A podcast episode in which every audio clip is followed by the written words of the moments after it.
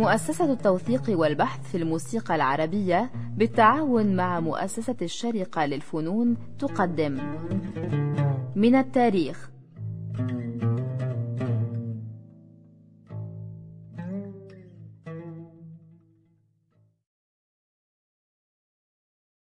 أهلا وسهلا بكم أصدقائنا المستمعين في حلقة جديدة من برنامج من التاريخ. نواصل فيها الحديث عن الست منيرة المهدية ويواصله معنا الأستاذ الدكتور فريدريك لاجرونج. ونحن في تسجيلات الست منيرة المهدية الأولى مع شركة أوديون وزونوفون إلى آخره قبل بيضافون سنة 1914 تعالوا بينا نكمل سمع. طب تعال نسمع أغنية تانية بتدلل شوية على قصة الزواج المبكر. أو يعني مش عارف نسميه إيه. الطقطوقة الجميلة والجريئة الشبقة. إنجاز التعبير تضربني ليه يا سعادة البيه أيوه هي دي اللي, أنا اللي كانت بالظبط. كمان بتغنيها العلمة حسيبة موشيه اللي مشكوك إذا كانت سورية أو لبنانية إذا كانت بيروتية أو شامية. أو دمشقية لأنه ما كانش في حدود ساعتها. بالظبط. أنا شايف إننا كمان ممكن نقارن ما بين أداة حسيبة موشيه وأداة مديرة المهدية في طور العلمة. وماله ما يضرش. सोना उद्योग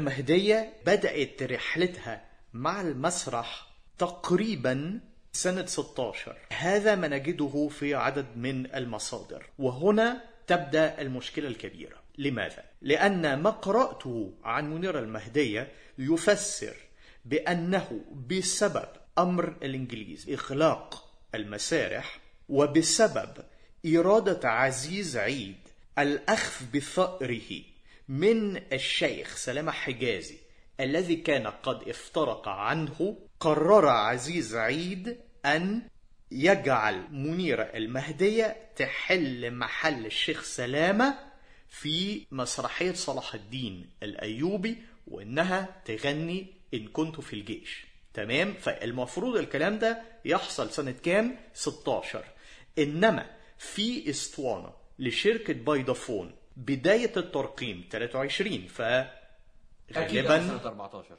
أكيد سنة 14 بتغني فيه إن كنت في الجيش. إن كنت في الجيش. نعم. فماذا نفهم من ذلك؟ أنها كانت مثلا تسمع الشيخ سلامة حجازي وقررت أن تقلد الشيخ سلامة حجازي في اسطوانة وبسبب إجادتها أو إجادتها المفترضة على الأقل لأداء قصيدة إن كنت في الجيش. عزيز زعيد اختارها هي علشان تحل محله. يعني أنا مش فاهم لغاية دلوقتي إذا كانت سجلت هذه الاسطوانة بعد أن أدت دور صلاح الدين الأيوبي على المسرح أو قبل ذلك وبسبب الاسطوانة. عزيز زعيد اختارها. أنا أشك في حكاية إن أخذ الثأر من سلامة حجازي أصلا؟ لأنه الشيخ سلامة حجازي في آخر حياته أصيب بالفالج فأشك إن هو كان قادر إن هو يطلع حقيقة على المسرح يعني. وما أعلمه من كثير من المحدثين على رأسهم منير المهدية نفسها إنه يعني كانت علاقتها بسلامة حجازي أشبه بعلاقة الأب فصعب جدا إنه هي تشارك في الأخذ بالثأر من سلامة حجازي يعني. أعتقد إنه هي لو كانت أدت صلاح الدين أعتقد إن هي ادته بعلم تام من الشيخ سلامة حجازي. كلام سليم كلام سليم ومقنع. على كل حال فكرة الأخذ بالثار هي بتخص عزيز عيد لا تخص منيرة المهدية. ولكن مهما كان من الأمر فعلا أنت لفت انتباهنا إلى أن الشيخ سلامة كان مصاب بالفالك فبالتالي يعني كان صعبا عليه سنة 16 أنه يقوم بنفسه بهذا الدور وبنفس الجدارة التي تميز بها في السنوات الأولى للقرن العشرين. ولكن المهم في هذه الحكاية أنها إذا تزيد زي الرجال وكانت يقال أنها كانت المصرية المسلمة الأولى التي اعتلت خشبات المسارح القاهرية سنة 16 ويقال أيضا أنها هي أول مطربة اعتلت خشبة المسرح دون حجاب. تماما تماما. يبدو أنها كانت تجيد كل قصائد سلامة حجازي سواء كانت القصائد التختية بتاعت سلامة حجازي أو القصائد المسرحية. قصائد الشيخ سلامة حجازي المسرحية هي قصائد مرسلة دون إيقاع ثابت. القصائد التختية هي قصائد على الوحدة. أقترح أن نستمع إلى نبذة من أداة منيرة المهدية لقصيدة إن كنت في الجيش في الصيغة القديمة المسجلة سنة 14 اللهم يا منير ولنا من فضلك صلي الشيخ سلام حجازي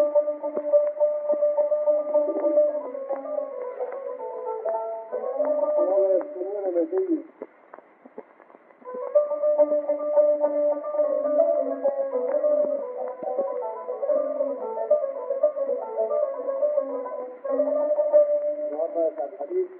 اللهم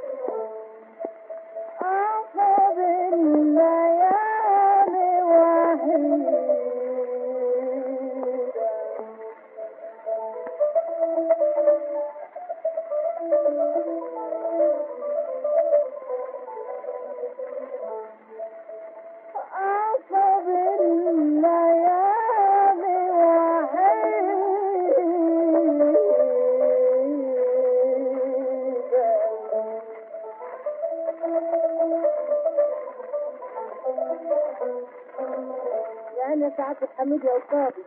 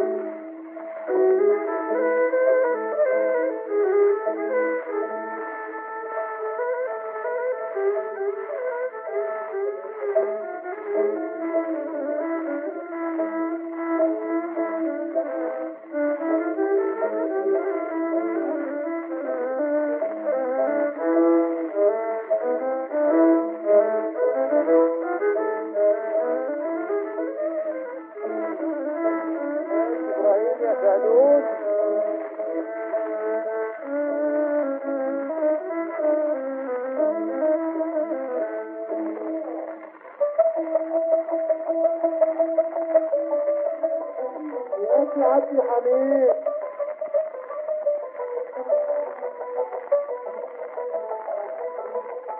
يا فتاكيتك يا أخويا أيوه. ده بقى قانون أيوه.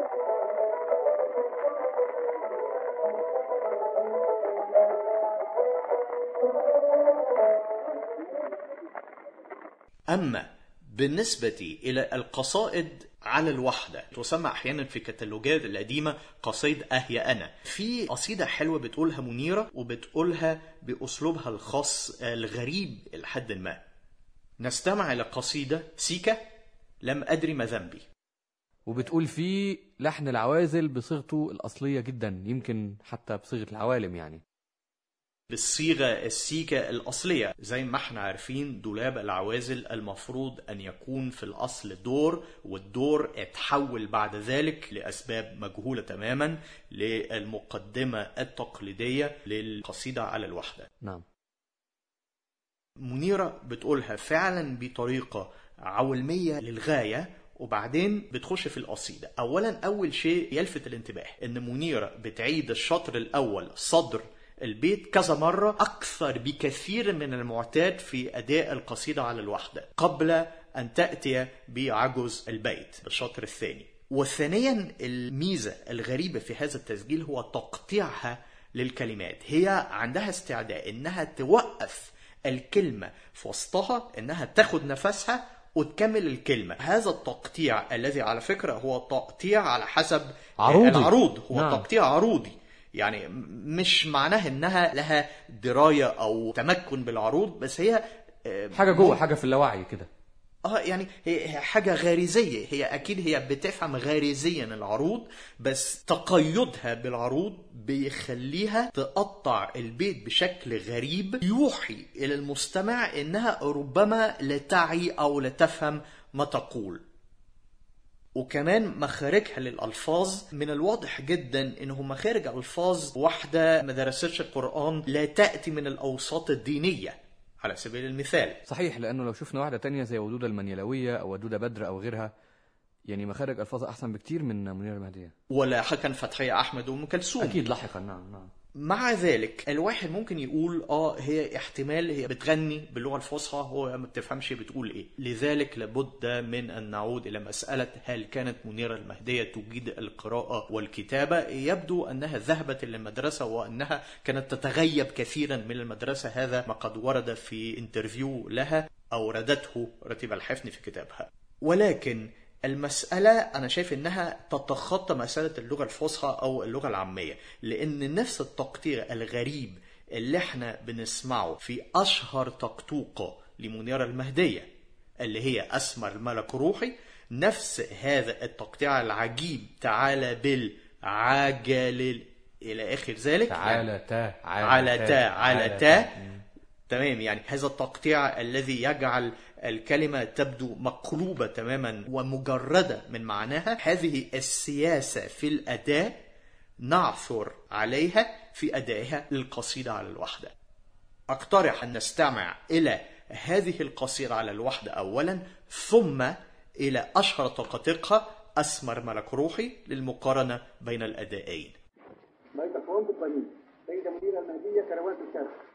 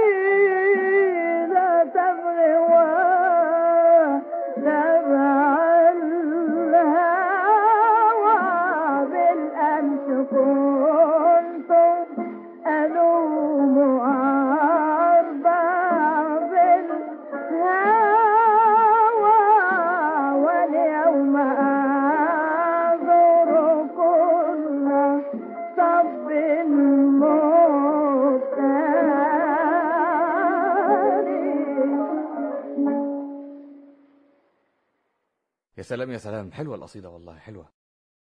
بقصيدة لم أدري ما ذنبي نكون قد وصلنا إلى نهاية حلقة اليوم من برنامج من التاريخ. نتقدم بخالص الشكر والامتنان للأستاذ الدكتور فريدريك لاجرونج. وإلى أن نلتقي في حلقة جديدة من برنامج من التاريخ نواصل سويا الحديث عن الست منيرة المهدية. نترككم في الأمان.